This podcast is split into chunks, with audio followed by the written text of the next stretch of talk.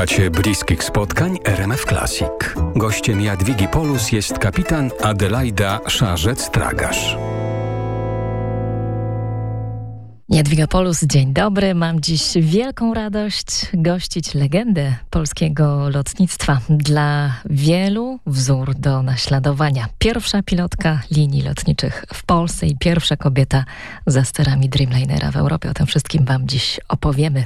Nasze spotkanie zupełnie przypadkiem wypadło 13 grudnia. Jak się okazało, dokładnie 40 lat od e, bardzo ważnej daty, która była jak trzęsienie ziemi na zawodowej drodze mojego gościa.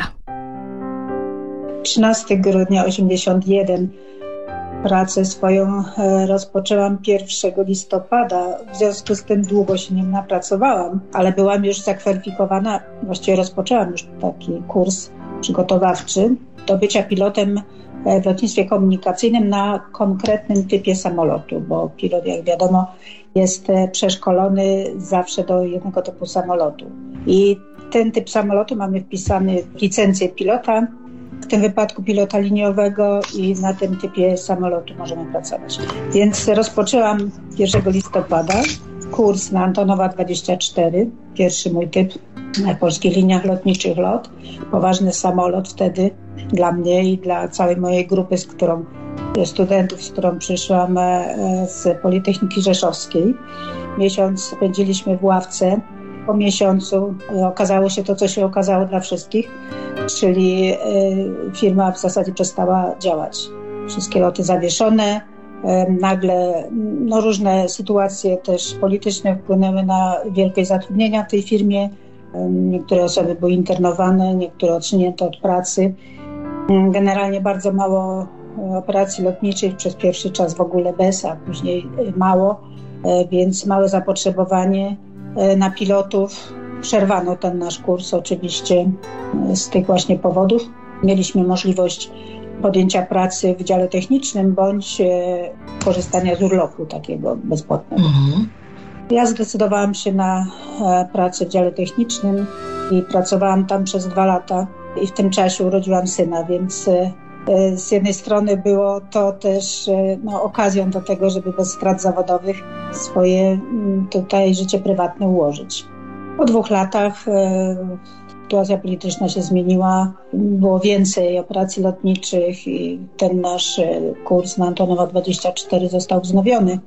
No, część osób oczywiście, jak to zwykle w życiu bywa, podjęła inne działania. Niemniej e, rozpoczęliśmy od początku. W 1983 roku, w październiku, e, wszystko się zaczęło od nowa. Także tak wpłynął ten stan wojenny na, moje początki, na początki mojego zaangażowania w pracę. Także i moje życie zatoczyło koło, ponieważ końcówka mojej pracy właśnie w, takich, w takiej atmosferze się odbyła. W 2019 roku już tych lotów e, było coraz mniej E, no, w związku z pandemią, więc tego naszego latania, tej pracy było też zdecydowanie mniej.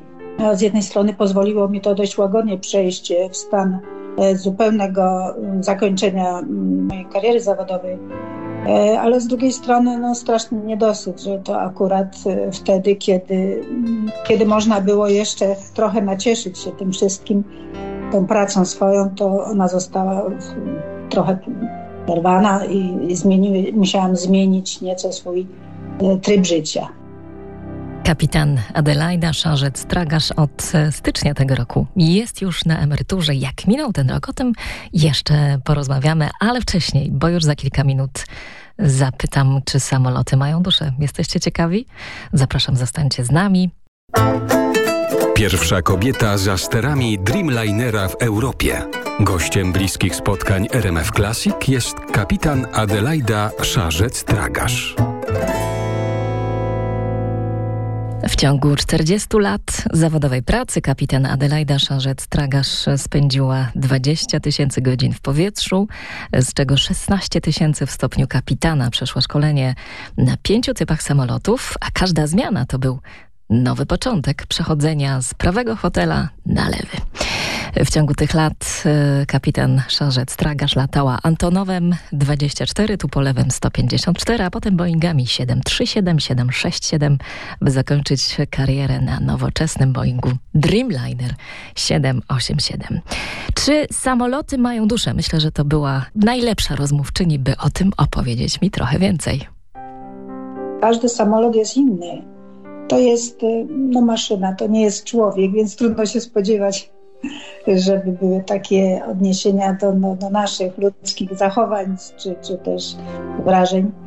E, no niemniej e, są samoloty, które się lubi i takie, których się nie lubi, albo powiedzmy nie tyle nie lubi ze względu na sam typ samolotu, ale na pewne niuanse, które utrudniają pracę bądź ułatwiają pracę, więc to tak właśnie na tej zasadzie możemy powiedzieć, że może ma duszę, ale jednak nie jest to dusza nasza ludzka. No miałam w swojej karierze typy samolotów, które lubiłam bardziej, takie, które po prostu miały swoje minusy, które ja zauważałam i nie tylko ja.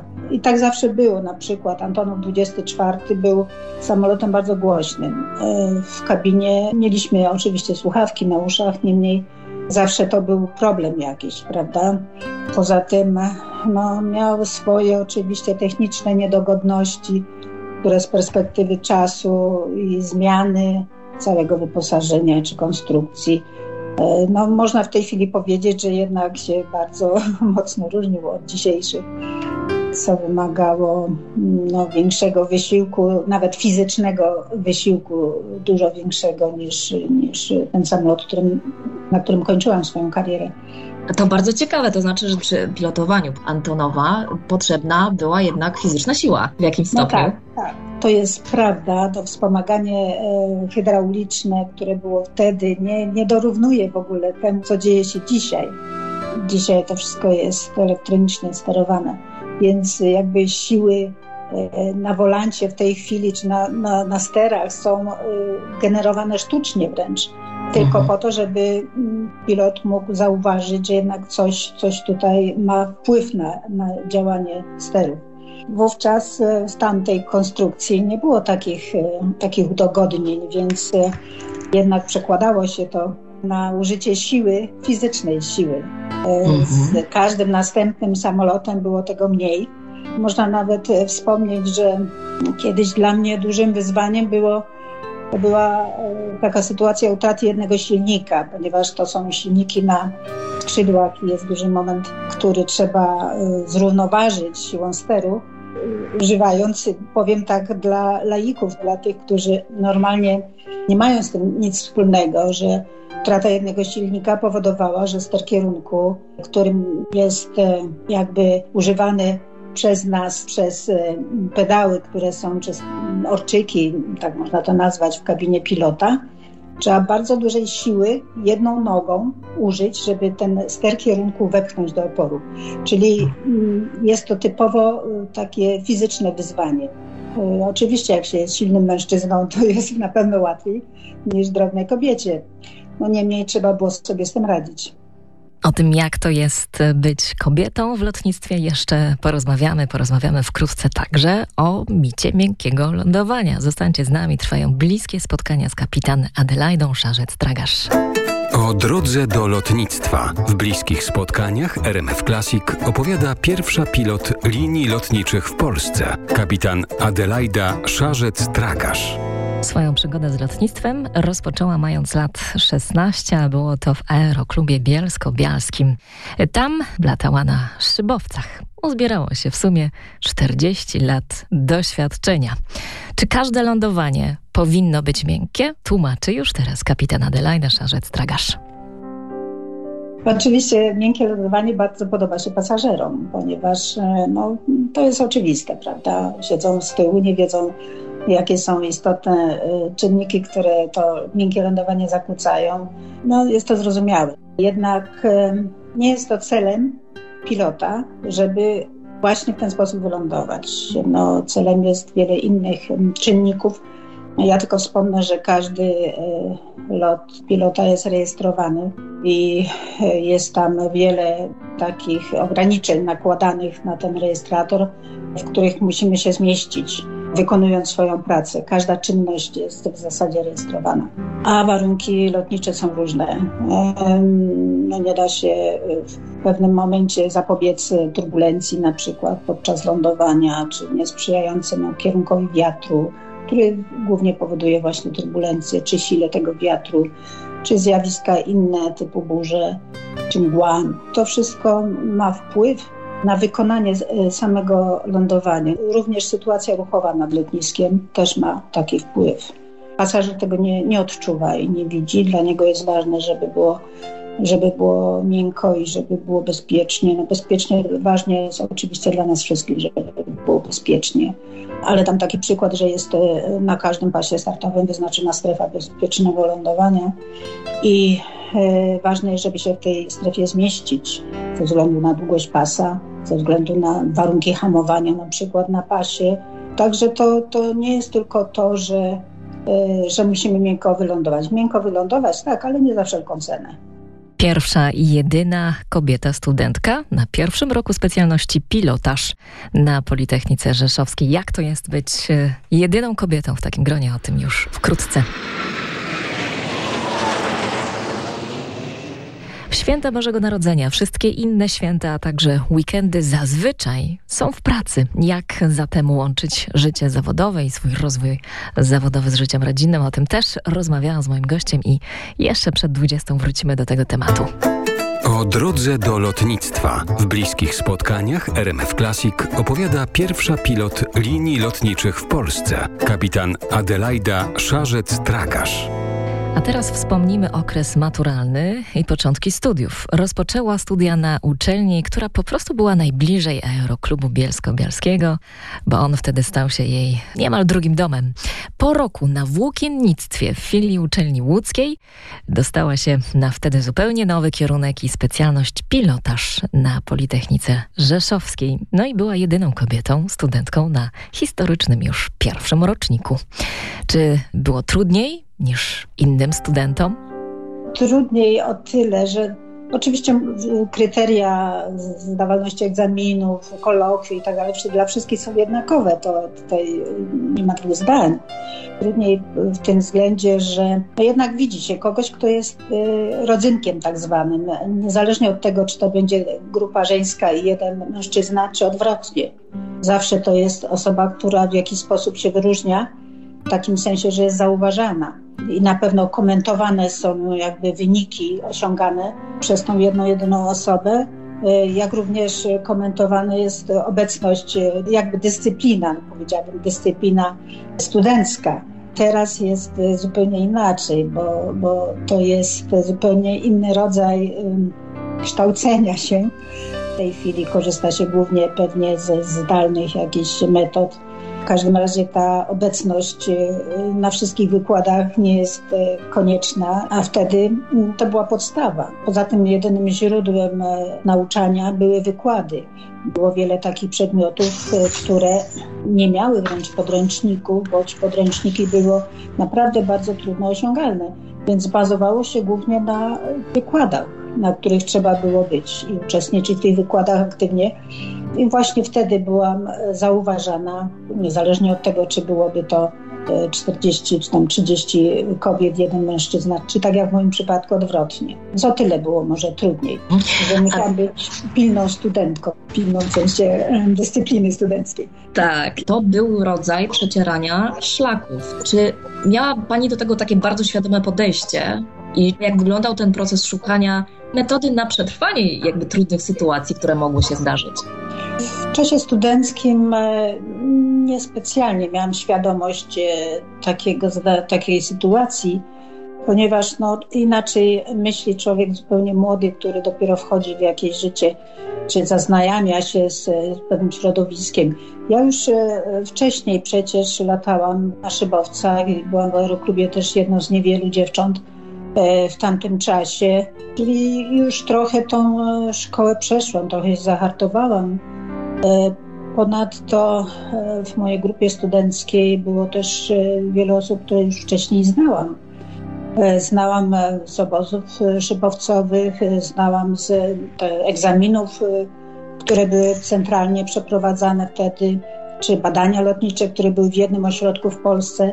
Wszyscy tam się jakoś spotykaliśmy, prawda? Czyli znałam większość tych studentów z mojej grupy. To mi pozwoliło zupełnie łagodzić, powiedziałabym, dystans między płciami. Nie, zupełnie tego nie, nawet tego nie brałam pod uwagę, nie, nie różnicowałam wtedy. To, to w ogóle nie wchodziło w grę.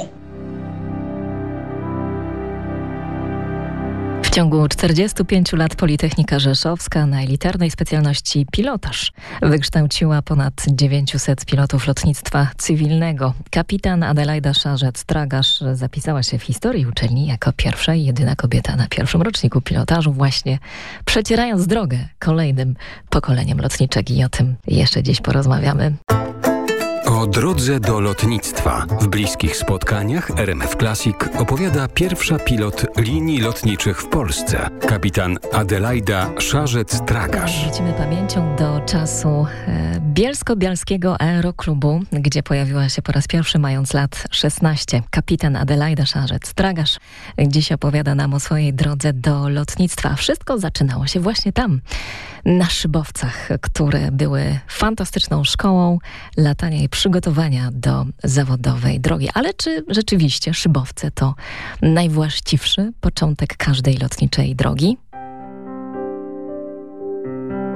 Od tamtych czasów wiele się zmieniło. Oczywiście dzisiaj można zapłacić od razu za kurs samolotowy i, i, i latać samolotem. Nie trzeba przechodzić przez tą, jakby przez ten wstępny etap latania na szybowcach.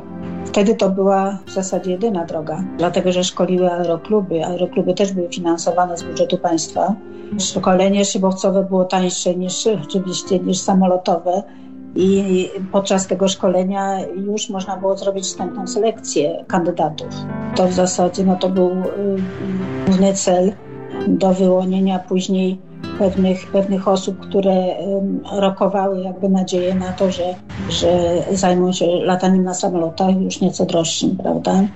Mm, jako kursie szybowcowym oczywiście zawsze ta młodzież była chętna do takiej przygody na początku, ale potem jak się okazywało, ile trzeba poświęcić czasu, y, ile trzeba swojej pracy własnej, również tam fizycznej pracy wtedy wykonać, bo wszystkie czynności w aeroklubie jednak ta młodzież uczestniczyła e, w przygotowaniu szybowca do, do latania i wiele prac społecznych trzeba było wykonać.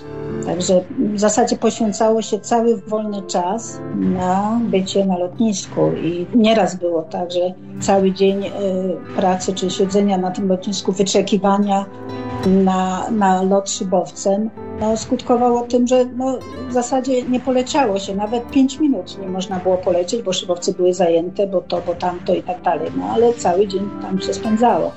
To jednak e, powodowało, że sporo młodzieży rezygnowała. Sporo młodzieży właśnie nie przechodziła tego pierwszego etapu latania szybowcowego. I się zniechęcali, bo mieli inne zajęcia, które przedkładali na, na to jedno jedyne. No i dlatego, no mówię, to, to była selekcja już wtedy. A jeśli chodzi o umiejętności lotnicze, takie typowe, to już na szybowcach e, można było e, się wiele rzeczy nauczyć, e, takich podstawowych czynności lotniczych, sterowania, bo przecież mhm. steruje się samolotem tak samo szybowcem, tak podobnie jak samolotem, więc to też. To jednak miało swoje znaczenie. Teraz przychodzi pilot zupełnie z ulicy, wsiada do samolotu. Oczywiście nauczy się też tego wszystkiego. Niemniej jest to mm, o wiele droższe, jest ograniczone w czasie, bo oczywiście skoro drogie, to po minimum i już no, nie zawsze jest to takie, takie fajne, prawda, takie pełne szkolenie. I poza tym też im mniej się y, może ci, ci kandydaci, ci młodzi ludzie integrują ze sobą, bo wtedy przebywaliśmy na lotnisku od rana do wieczora. No właśnie o to chciałam dopytać, jak to była, jak była Pani odbierana w środowisku rówieśników, skoro tak naprawdę drugim domem było dla Pani lotnisko, a nie jakieś inne miejsca, gdzie młodzież spędza czas. No właśnie, miałam dużo przyjaciół, znajomych, z lotniska, więc e, wśród osób, które e, tak samo e, postrzegały swoje młodzieńcze życie jak ja, więc w tym kręgu miałam najwięcej znajomych, ponieważ nie miałam czasu na, na spotkania towarzyskie poza lotniskiem. Pilot na swojej drodze, jak powiedziała mi pani kapitan, jest nieustannie sprawdzany i oceniany, bo to ciągła próba. Wkrótce porozmawiamy, jak rodzice mojego gościa podchodzili do wyboru zawodowej drogi, która wtedy wydawała się bardzo, bardzo nieoczywista.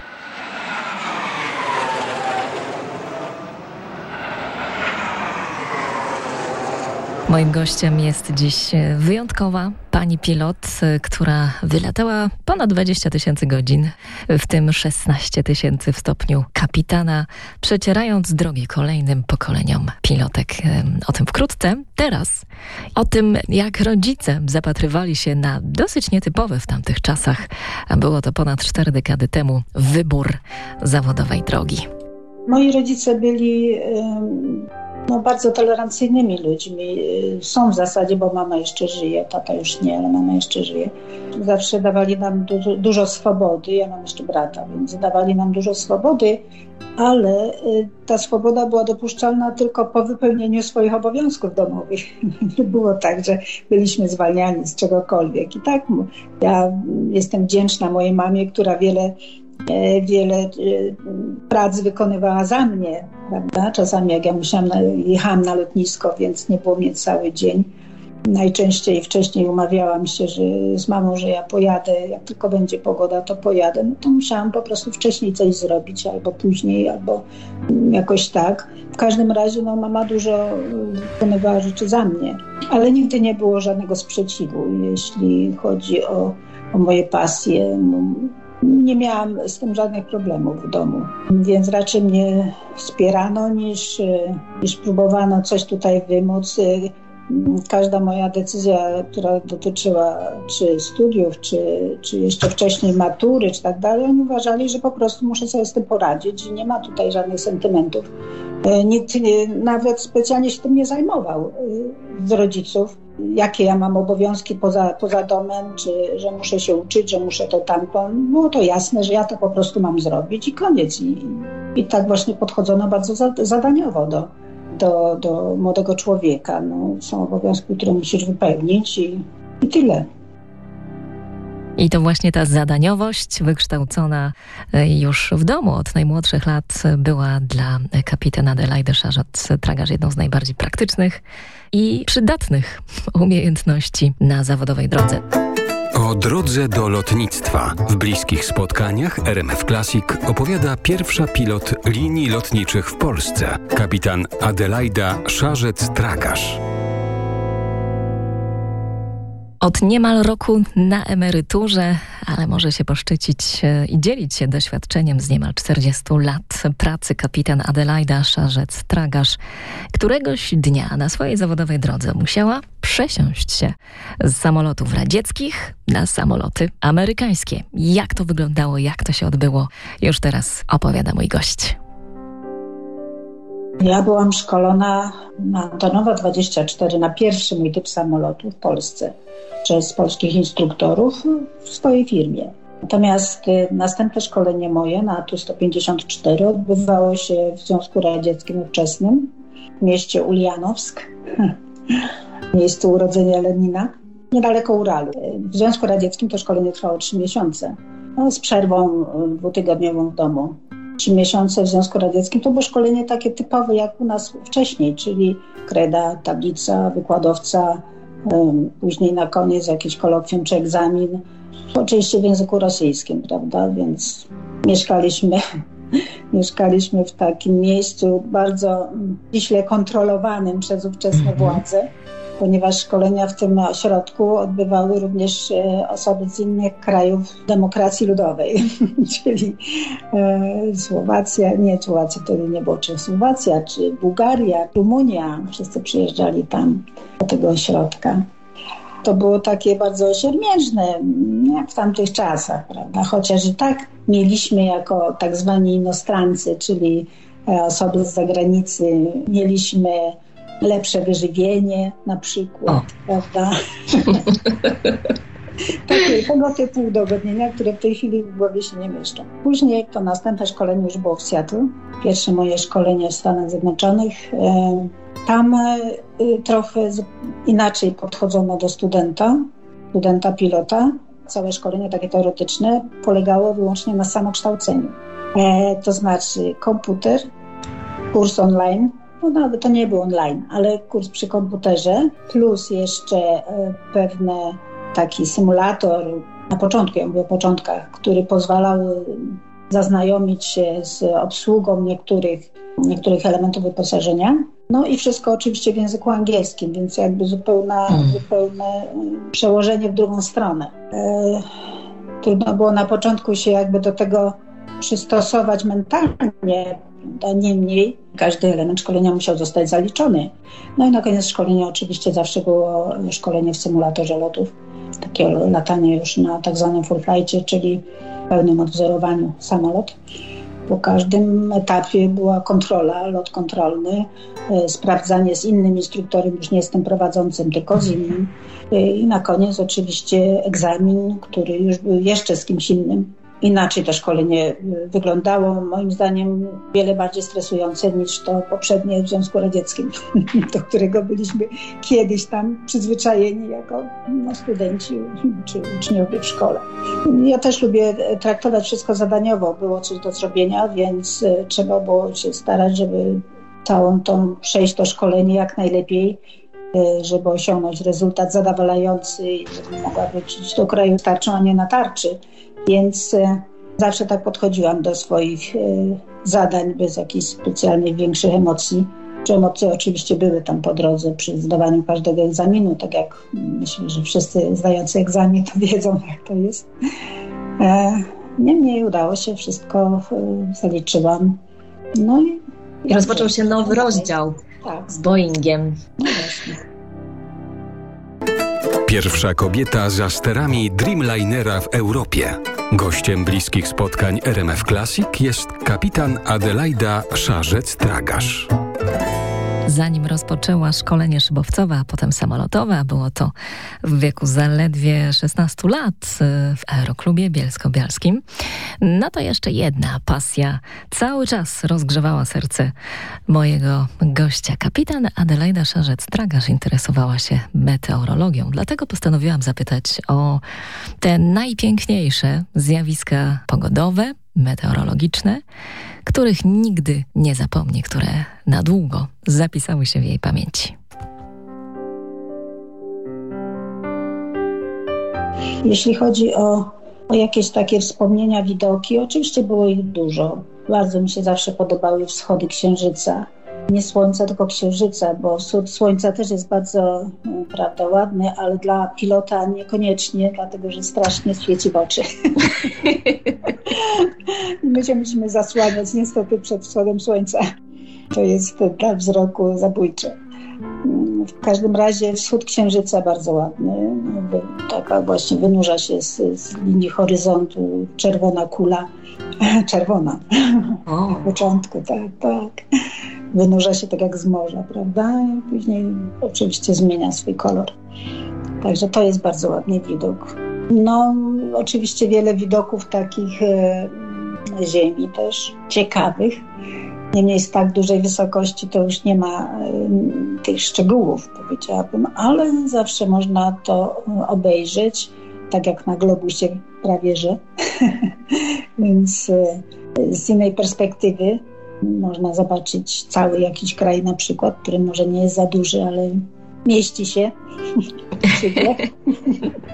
Albo fragment oczywiście e, geograficznych różnych takich przestrzeni. Te rzeki syberyjskie zawsze robiły na mnie bardzo duże wrażenie.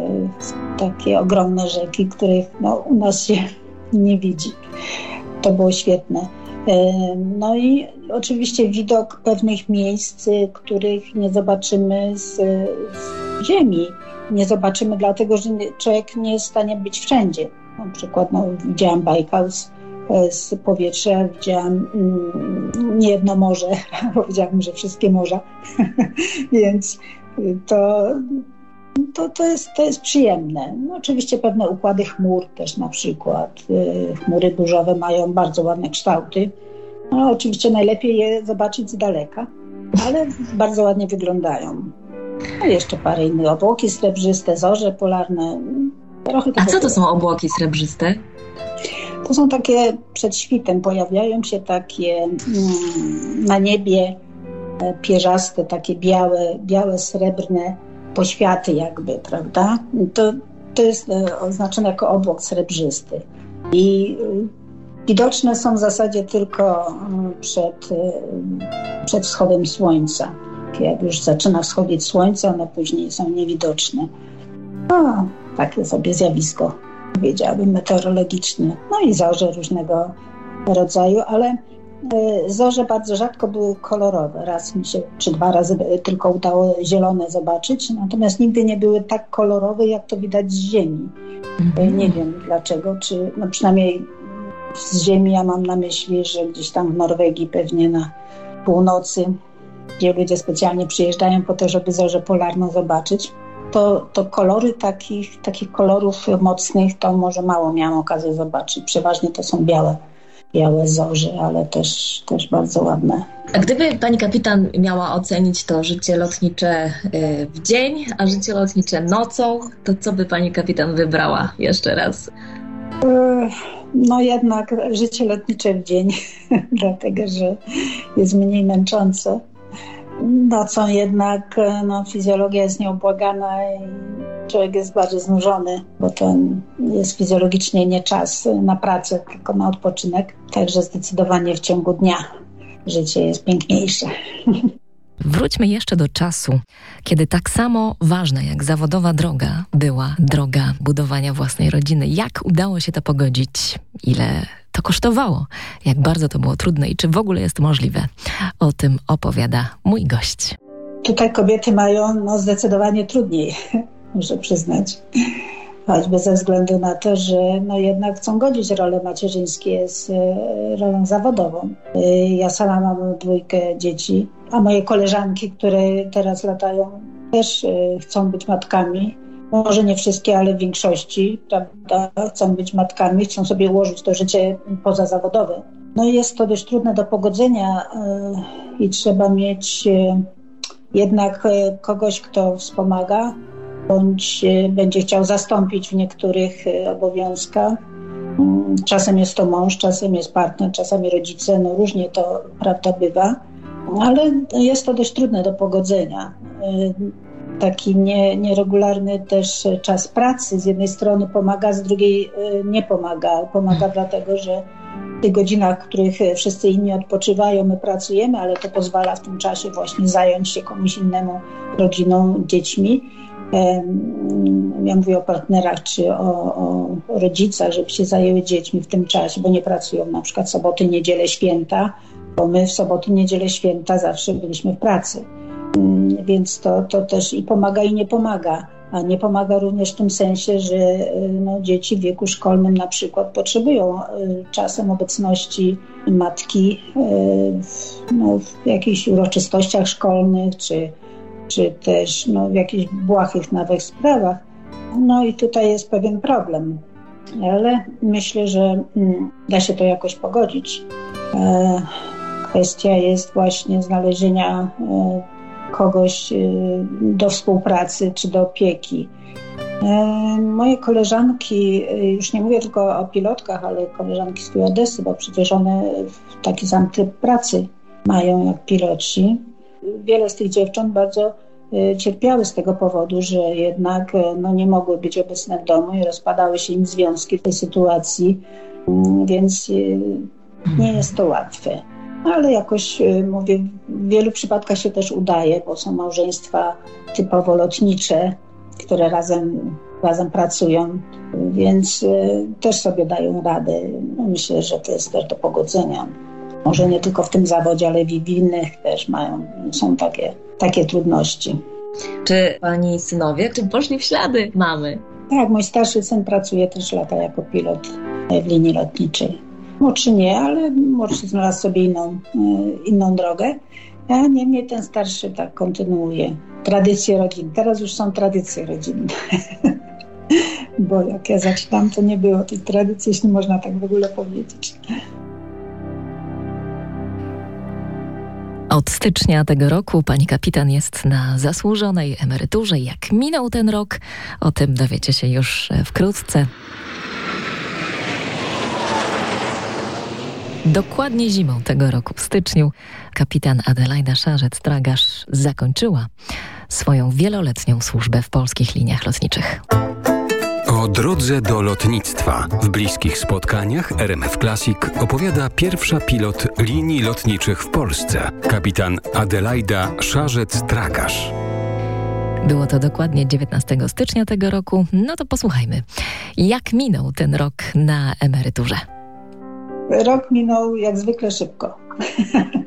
Każdy rok mija coraz szybciej. Ten rok, no oczywiście na początku ta pandemia nam niestety zabiera część naszego życia, e, zwłaszcza, że no nie możemy się spotykać może tak często z innymi ludźmi, czy korzystać z atrakcji różnego rodzaju e, jak e, wcześniej. Ale w, w tym czasie jakoś sobie już to wszystko e, poukładałam. Odnowiłam wiele znajomości takich, które przez lata gdzieś tam no, nie było czasu, nie było okazji i, i w takim zabieganym życiu powiedzmy nie było na to miejsca. E, teraz y, miałam okazję spotkać się ze swoimi znajomymi z aeroklubu właśnie z początku swojego latania. Także tutaj tutaj się z tego bardzo się z tego cieszę, że nawiązałam kontakty, zwłaszcza, że te osoby już też są w podobnym wieku jak ja, więc mają trochę więcej czasu. Oczywiście y, nie byłam y, na wakacjach, bo, ja już mam wakacje cały rok, więc mogę sobie wybierać tylko tam powiedzmy momenty, które, miejsca, które chcę odwiedzić, czy, czy jakieś momenty takie relaksu ale y, już nie tęsknię za jakimiś wakacjami długimi w ciepłych krajach już nie, nie bawi mnie tak, powiedzmy, to latanie dalekie. Już w wielu miejscach byłam. Może od czasu do czasu, tak, ale jakoś specjalnie nie tęsknię za tym. Trochę czasu poświęciłam na, na taki rozwój bardziej niezawodowy, a tu pod względem kulturalnym e, trochę się coś zmieniło, w sensie takim, że miałam wreszcie czas na to, żeby pójść do teatru czy do czy na jakieś e, koncerty. Wcześniej no, nie było takiej możliwości. Teraz już mam dzieci dorosłe, więc nie muszę, powiedzmy, codziennie się nim zajmować. Oczywiście mam wnuczkę, ale no tak, ale też nie widuję jej codziennie. Także już sobie poukładałam. Już, już to nie jest dla mnie takie, takie trudne, powiedziałabym. Też ten czas tej pandemii przez ostatnie dwa lata spowolnił moje życie i, i, trochę mnie do tego przygotował, do tego, co jest dzisiaj. Co się dzieje z książką lotniczą, pani kapitan? Czy jeszcze zdarza się coś tam wpisać w czasie wolnym, w czasie prywatnym? E, książka lotnicza jest oczywiście. E, to było na początku tego roku. No, a w następnym roku zobaczę. Na razie mam ważne pragnienia na małe samoloty więc może coś tam jeszcze się zdarzy. Czy wnuczka już zaglądała do książki lotniczej i dopytywała, co, co to oznacza? Wnuczka ma tatusia pilota, więc wie o co chodzi. Poza tym dzieci nie zawsze idą w ślady rodziców. Ktoś idzie do biura, ktoś inny idzie latać i to jest praca. Pewnie jesteście ciekawi, jak kapitan zapamiętała swój ostatni lot. A już teraz przedostatnia odsłona naszej rozmowy z gościem, który nauczył mnie jednego w tej rozmowie. By bujać w obłokach, trzeba mocno stąpać po ziemi. Pierwsza kobieta za sterami Dreamlinera w Europie. Gościem bliskich spotkań RMF Classic jest kapitan Adelaida Szarzec-Tragasz.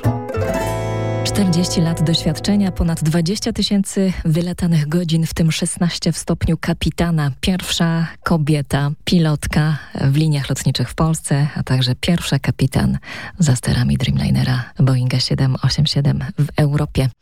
Poprosiłam o radę dla tych, którzy dążą ze wszelkich sił do spełnienia swojego marzenia o lotnictwie. Trudno mi tutaj udzielać jakichkolwiek rad bo jest to jednak sprawa bardzo indywidualna, jak podchodzi się do swoich obowiązków. Bo tak uważam, że nie tylko w tym zawodzie, ale też i w innym, jeśli chce się osiągać sukces, to trzeba no, niestety postawić czasem na wszystko na jedną kartę. E, no i trzeba się bezustannie zastanawiać nad tym, czy, czy mam się rozpraszać, czy mam po prostu dążyć do tego swojego jednego celu, który mam nadzieję osiągnąć. Dzisiaj jest to lotnictwo trochę inne, znaczy droga do lotnictwa trochę inna. bo nie tylko e, pewne predyspozycje charakterologiczne tutaj są konieczne, ale też jest to wyzwanie finansowe, więc no, naprawdę trzeba się zastanawiać e, nad tym, czy poświęcę wszystko po to, żeby zdobyć ten zawód. No, trzeba być zdeterminowanym, to, to trzeba przyznać, jednak musimy pamiętać o tym, co chcemy osiągnąć cały czas. Musimy o tym pamiętać bezustannie. No i mieć zapał do nauki. To też jest ważne, żeby nie hołdować w zasadzie jakiejś takiej, że a jakoś to będzie, a może się uda, a może się nie uda. Nie, jakoś to będzie. Nie, nie, w lotnictwie nie ma czegoś takiego, jakoś to będzie. Trzeba po prostu włożyć dużo wysiłku w to, żeby zawsze było, nie że jakoś, tylko żeby było. Żeby można było to zadanie swoje, czy ten, ten cel osiągnąć. To chyba tyle mam do powiedzenia. Inne rady, no nie sądzę, żeby ktoś chciał skorzystać z moich rad, bo każdy ma swoje jakieś upodobania i, i, i dąży do, do, do jakiegoś celu sam. No, tylko osoby zdeterminowane myślę, że mają szansę. No jest to wyzwanie tych pięciu samolotów, który jednak zostaje najbliższy Pani sercu, Pani kapitan?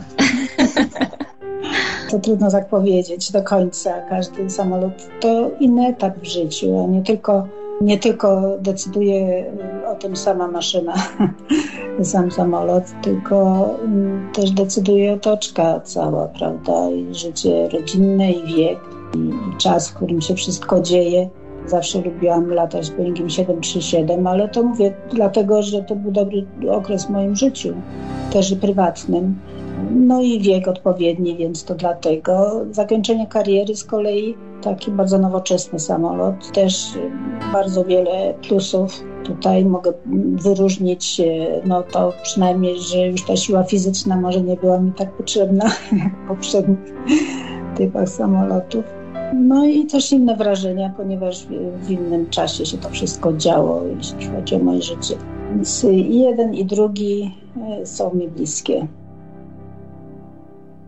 Już za moment wspomnimy ostatni lot. Kapitan Adelaidy Szarzec-Tragasz. Zostańcie z nami. Ada 5500?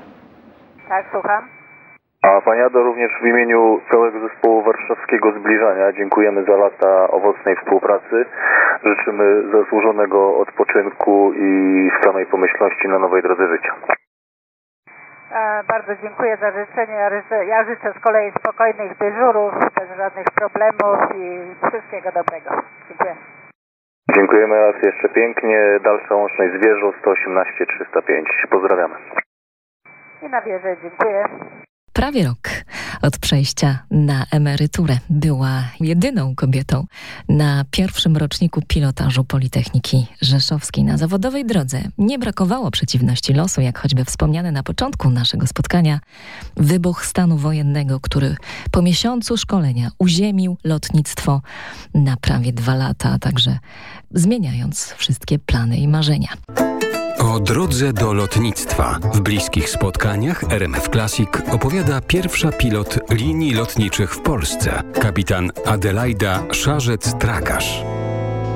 Jak podkreślają lotniczki, kapitan stanowiła i stanowi dla wielu z nich wzór profesjonalizmu i przykład tego, że dzięki uporowi i determinacji można przetrzeć niedostępne wcześniej szlaki. To fragment oświadczenia polskich linii lotniczych po zakończonej karierze pani kapitan Adelaidy Szarzec-Tragasz. Czas wspomnieć ostatni lot na trasie Seul-Warszawa. Starałam się traktować ten lot jako jeden z wielu niekoniecznie mając w głowie od początku do końca, że to już jest mój ostatni lot. Także poza tym wykonywać obowiązki trzeba zawsze, niezależnie od tego, czy to jest pierwszy czy ostatni lot, więc zawsze, zawsze te swoje obowiązki trzeba wykonać. No, atmosfera była oczywiście bardzo fajna. Chciałam z koleżankami w kokpicie, które zaczęły pracować. Niektóre mówią, że, że pod moim wpływem czy z mojej inspiracji. E, wydaje mi się, że dopiero końcówka tego, tego lotu e, tak mi uświadomiła, że rzeczywiście już nie wsiądę. Końcówka mówię o tym, jak zaczęto mi dziękować zwierzę lotniczy za współpracę. i potem całe lądowanie i, taka oprawa fajna. Tak, tak, jeszcze w powietrzu.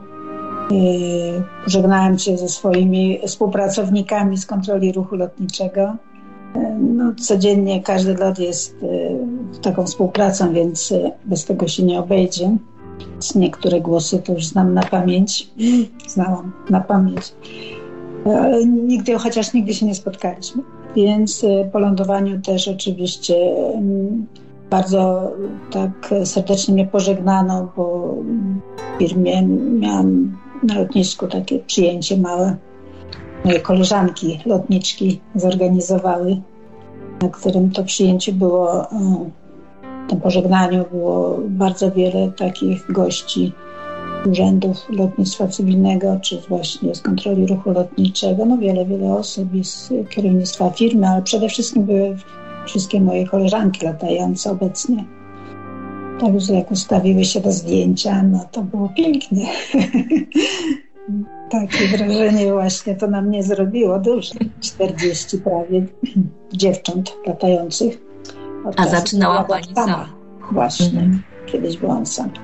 Więc to, to, to było takie, takie właśnie miłe, że już jesteśmy na tym etapie rozwoju naszego kraju, bo to tak można chyba powiedzieć, i świadomości ludzkiej, że jednak aż 40 osób, 40 kobiet latających w jednej firmie, bo ja nie mówię już o innych, znalazło w obecnych czasach.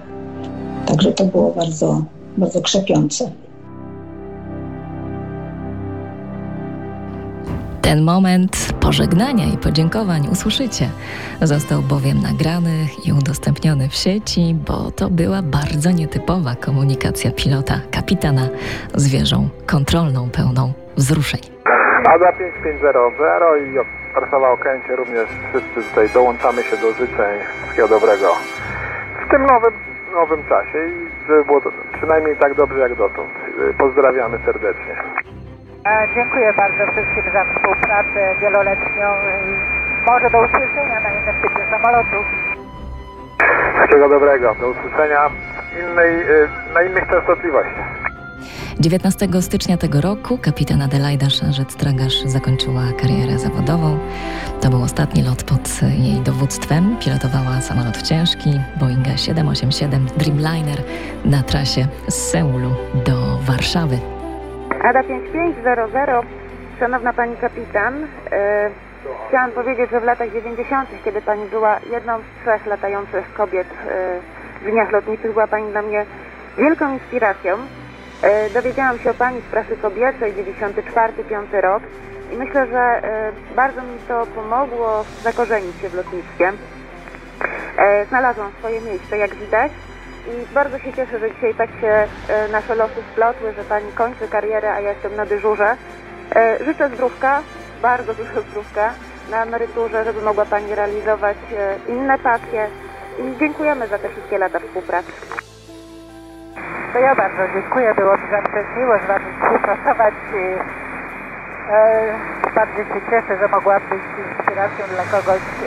Także wszystkiego dobrego Pani życzę w rodzinie. Do usłyszenia być może gdzie Być może się spotkamy. Dziękuję bardzo. Dziękuję.